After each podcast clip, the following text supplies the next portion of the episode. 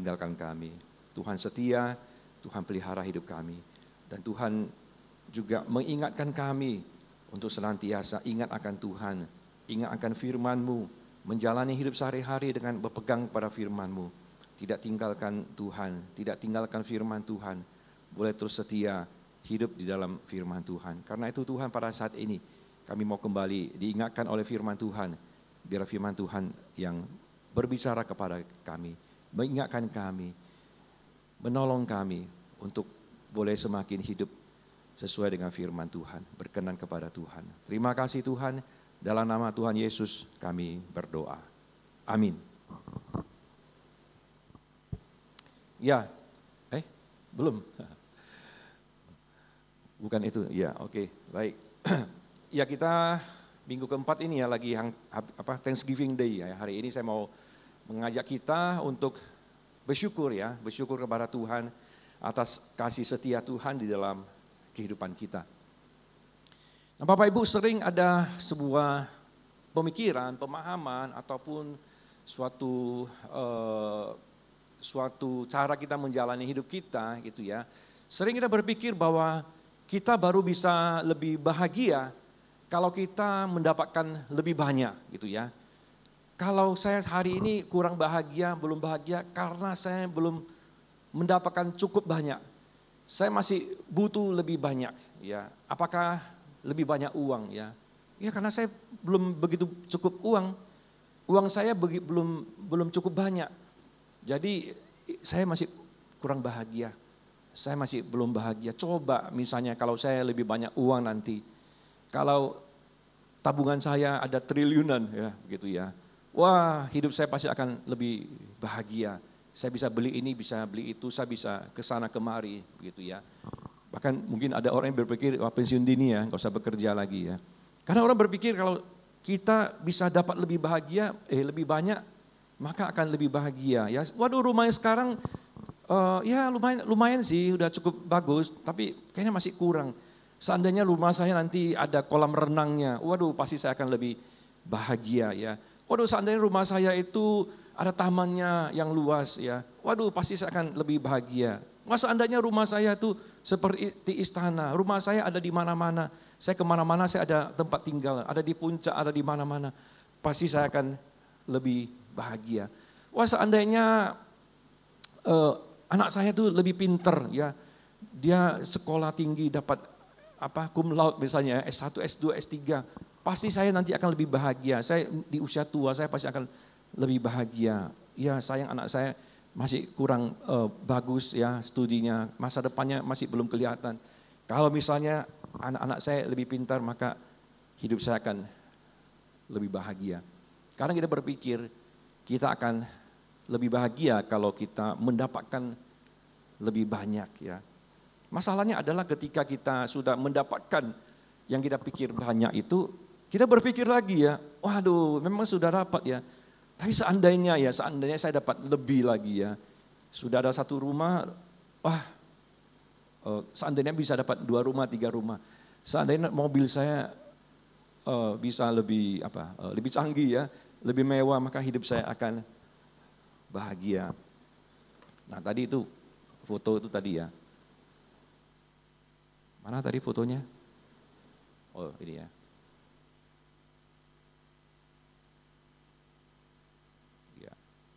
Mana ya?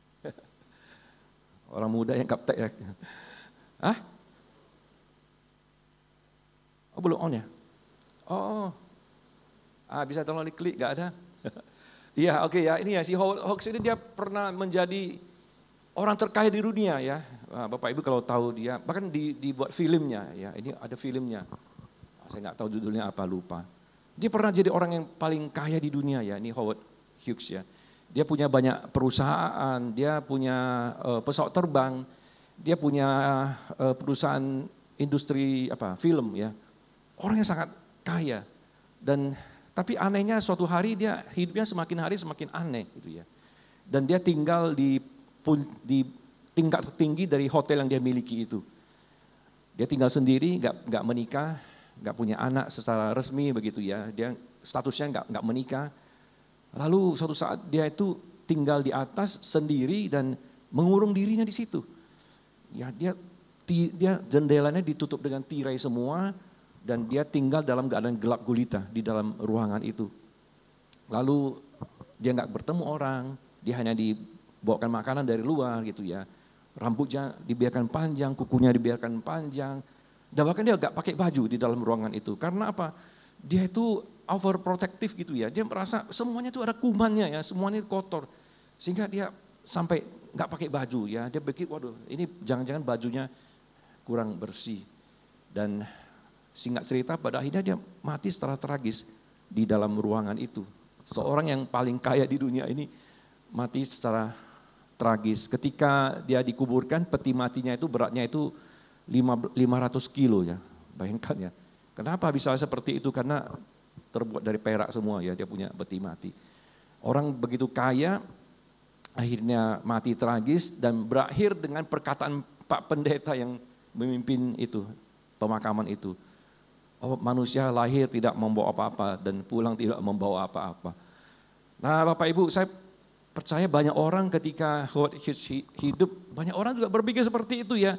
Seandainya saya sekaya Howard Hughes ini ya, pasti saya akan, hidup saya akan lebih bahagia. Siapa orang paling kaya sekarang ini ya? Oh, si siapa itu? Siapa itu? Bill Gates ya, Bill Gates sudah turun kedua ya. Hah? Heromus ya? Wah. Oh, ikutin terus ya, Pak. Iya. Mungkin kita juga berpikir seperti itu ya, kalau saya menjadi orang kaya, ya seperti siapa tadi Heromus atau siapa, maka hidup saya akan lebih bahagia. Namun bukan berarti bahwa uh, Ya ini ini tentunya saya memberikan kesan bahwa tidak tidak seperti itu ya.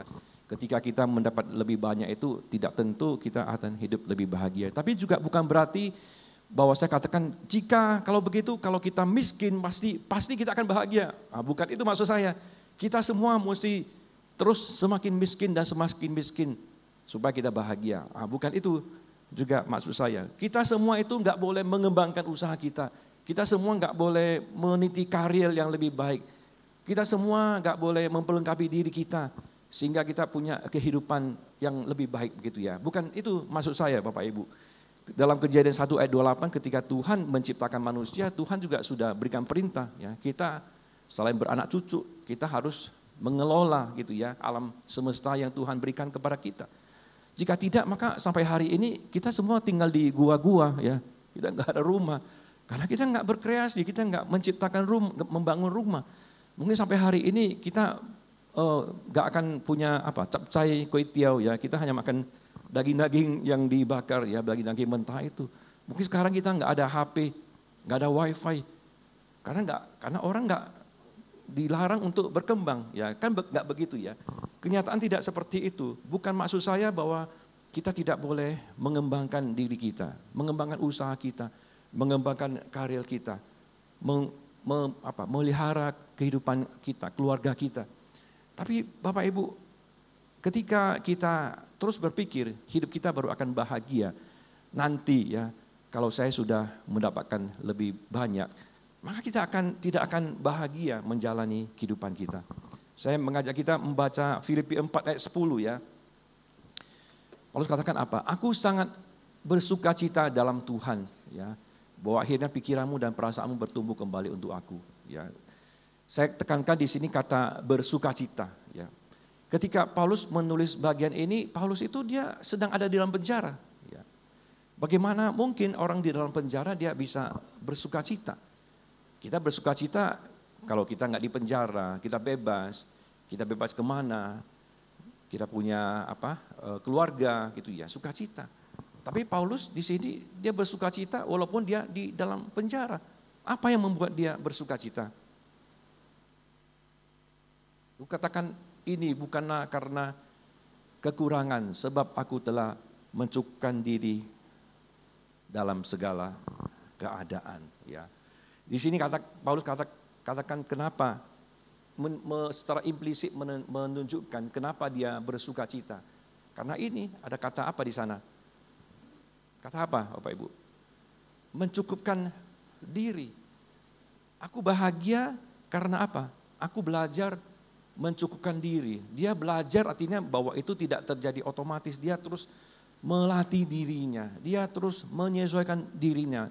Dia terus berusaha bagaimana menjalani hidupnya itu dengan mempunyai rasa cukup di dalam kehidupannya.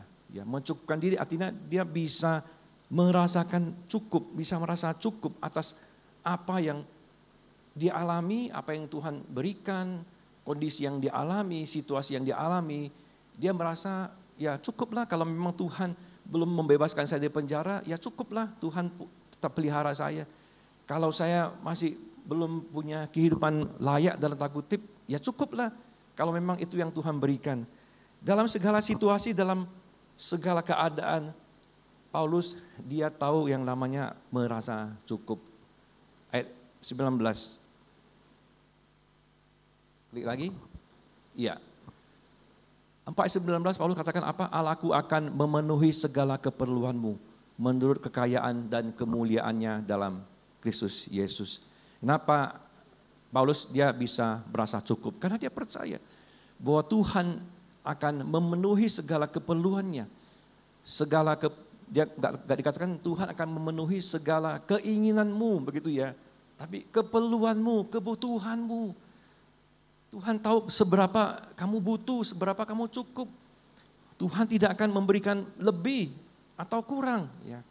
Coba kalau kita lebih garam, ya, apa akibatnya? Darah tinggi, lebih gula, ya saya lah lebih gula kan, kena diabetes, lebih lemak, kolesterol ya. Jadi lama-lama ada orang bilang ada buka tiga pabrik ya, pabrik gula, pabrik apa, pabrik garam, pabrik apa minyak goreng ya gitu ya. Tuhan, Paulus, karena Paulus percaya apa? Eh, Tuhan akan memenuhi segala, segala ya, bukan sebagian, semua apa yang Tuhan lihat kita butuh pada waktu itu, pada saat itu, Tuhan akan sediakan. Tuhan akan memberikan setiap orang porsi ya, porsinya. Setiap kita tuh sudah diberikan porsinya. Sehingga kalau kita bisa seperti Paulus memahami seperti itu, maka kita tidak akan apa menjadi orang yang serakah, orang yang tamak, orang yang nggak bisa bersyukur apa atas apa yang sudah Tuhan berikan begitu. Bukan kita nggak boleh berkembang, tapi kadang kita nggak bersyukur untuk apa yang sudah Tuhan berikan. Kita lebih kita kadang mengeluh atas apa yang Tuhan belum berikan, ya. Sehingga membuat kita tidak bisa merasakan cukup dan akhirnya kita tidak bisa bersyukur dalam hidup kita dan akhirnya kita nggak bisa bahagia dalam kehidupan kita. Walaupun kita sudah sampai ke jenjang yang kita harapkan gitu ya. Waduh saya sudah naik pangkat, pasti saya akan lebih bahagia. Tapi karena sikapnya adalah enggak, saya masih mau lagi, mau lagi. Maka kita tidak akan pernah bahagia. Amsal 30 ayat 8 9 ya. Dikatakan jauhkanlah daripadaku kecurangan dan kebohongan. Jangan berikan kepadaku kemiskinan atau kekayaan. Biarlah aku menikmati apa? makanan yang menjadi bagianku. Supaya kalau aku kenyang, aku tidak menyangkalmu dan berkata, siapa Tuhan? Atau kalau aku miskin, aku mencuri dan mencemarkan nama Allah. Nah, itu yang paling bagus, ya pas. Ya, pemahaman Alkitab Sabtu ya, itu pas. Nah, waktunya pas, topiknya semua pas. Segala yang Tuhan berikan tuh yang paling bagus adalah pas. Gitu. Kan sehari-hari kan seperti itu kan. Kayak soal makanan kan, nggak boleh lebih, nggak boleh kurang. Pas, pas itulah yang paling bagus. Jadi apa yang Tuhan sudah berikan kepada kita saat ini, apakah dalam hal e, karir, dalam hal uang, materi, keluarga, rumah, sebagainya, itu adalah pas pada waktu itu kita memang kita e, butuhkan, memang itu yang Tuhan sediakan bagi kita. Karena itu dalam setiap situasi yang kita hadapi dalam kehidupan kita, dalam segala apa yang kita miliki pada saat ini, maka kita mesti percaya bahwa itulah yang Tuhan sediakan bagi bagi kita. Itulah yang paling pas buat kita. Bukan kita nggak boleh berkembang lagi, tapi kita mesti bisa bersyukur untuk apa yang Tuhan sudah berikan kepada saat kita saat ini. Jangan kita terus berpikir, waduh, kenapa saya nggak nggak punya lebih banyak uang ya? Saya nggak punya Eh, rumah yang lebih besar ya, misalnya tadi ya.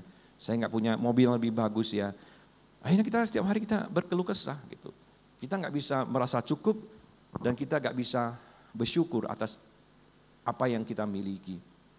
Bapak Ibu ketika Adam dan Hawa jatuh dalam dosa, apa yang membuat mereka jatuh dalam dosa? Ya karena mereka nggak merasa cukup. Tuhan bilang semua buah-buahan ya di taman ini boleh kamu makan. Semua. Bukan oh ya hanya hanya boleh makan mangga ya. Durian nggak boleh ya. Nggak ada. Semua yang terbaik Tuhan sediakan fresh. Durian apa yang terkenal apa? Musang king kalah katanya ya.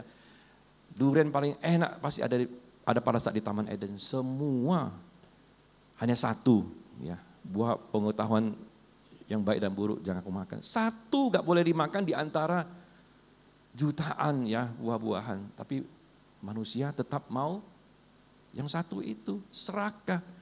Tidak pernah merasa cukup. Itulah yang membuat Adam dan Hawa manusia itu jatuh dalam dosa. Bapak Ibu mesti hati-hati ya. Ketika kita tidak merasa cukup, kita menjadi serakah. Itu akan membuat kita jatuh dalam dosa. Kita lihat di 1 Timotius 6 ayat 6 ayat 10 dikatakan apa? Memang ibadah itu kalau disertai rasa cukup memberi keuntungan besar. Sebab kita tidak membawa sesuatu ke dalam dunia dan kita pun tidak dapat membawa apa-apa keluar. Asal ada makanan dan pakaian cukuplah. Lanjut. Tetapi mereka yang ingin kaya terjatuhkan dalam pencobaan, ke dalam jerat dan ke dalam berbagai-bagai nafsu yang hampa dan yang mencelakakan, yang menenggelamkan manusia ke dalam keruntuhan dan kebinasaan. Karena apa? Akar segala kejahatan ialah cinta uang. Sebab oleh memburu uanglah beberapa orang telah menyimpang dari iman dan menyiksa dirinya dengan berbagai-bagai duka. Itulah yang terjadi Bapak Ibu ketika kita tidak pernah merasa cukup dan kita cinta uang ya uang itu netral tapi ketika kita cinta uang kita menjadi hamba uang maka hidup kita akan sengsara dan kita tidak akan bahagia tidak tidak akan bisa bersyukur di dalam kehidupan kita. Karena itu hari ini kita mau belajar bersyukur. Seberapa yang Tuhan sudah berikan kepada kita saat ini seberapa banyak yang kita miliki saat ini. Bersyukurlah. Artinya Jangan sampai kita tidak bisa bersyukur dalam kehidupan kita. Walaupun ada tantangan, ada kesulitan, pasti kita masih bisa melihat ada hal yang kita bisa syukuri. Kemarin saya besuk satu orang yang masih uh, ya mungkin 30-an ya usianya, 25 atau 30-an. Dia itu ada tumor di ususnya. Akhirnya dioperasi. Tapi mungkin ya karena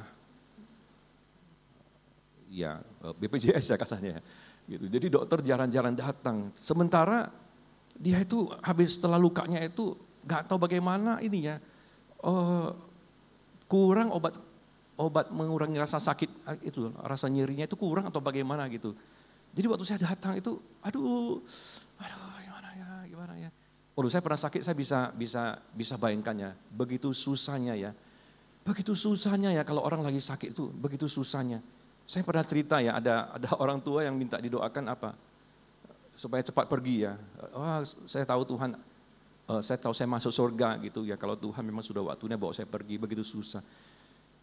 Kalau kita merasa kita banyak tantangan ya, masih belum sekaya orang lain, belum se, se, sehebat orang lain, maka satu hal kita bisa bersyukur hari ini kita masih nggak ada sakit apa-apa. Wah itu bisa kita perlu kita syukuri ya. Karena itu besuk ke rumah sakit itu kadang ada bagusnya ya. Kita baru melihat, waduh, betapa kalau hari ini ya saya masih bisa bangun, sehat ya, masih bisa makan minum, masih bisa jalan gitu ya. Wah kita mesti syukuri ya. Karena itu hari ini saya belajar, mengajak kita belajar untuk mengingat-ingat segala kebaikan Tuhan. Percaya bahwa eh, segala yang Tuhan berikan itu semua pas, semua cukup buat kita. Jangan kita berpikir, waduh Tuhan kalau saya bisa punya apa lebih banyak uang, kalau saya jabatan saya lebih tinggi nanti ya saya baru bahagia dan nanti saya baru akan bersyukur kepada Tuhan. Saat inilah Bapak Ibu, bukan besok, bukan nanti, saat inilah setiap saat, setiap hari itu waktunya yang tepat untuk kita bersyukur. Karena Tuhan uh, sudah berkati kita ya. Karena ada banyak alasan untuk kita bersyukur kepada Tuhan. Bersyukur bukan hanya kita sehat, kita yang punya anak-anak, wah saya paling tahu gitu ya, karena saya sudah jadi orang tua kan. Kalau anak sakit, bukan hanya anak yang susah, kita orang tua juga susah ya. Khawatir, begitu kan? Kalau kalau anak-anak masih dalam baik-baik, sehat-sehat, waduh puji Tuhan. Dia mereka ada di tempat lain, mereka aman-aman, puji Tuhan. Ya enggak? Ya. Kenapa kenapa kita mesti berpikir, wah nanti ya kalau saya sudah apa sudah kaya raya apa saya baru bahagia. Saat ini pun kita ada banyak alasan untuk bisa bersyukur dan bersuka cita dalam kehidupan kita. Marilah kita jalani hidup kita senantiasa bersyukur karena percaya ada berkat Tuhan setiap hari dalam kehidupan kita. Ada berkat Tuhan yang eh, cukup bagi kita. Kita nggak perlu banding-bandingkan dengan orang lain kita nggak perlu uh, menunggu ya ketika apa Tuhan sudah memberikan kita lebih lagi baru kita berpikir kita akan bahagia. Baik, saya akan mengajak kita nyanyi satu lagu dan kita akan masuk dalam doa.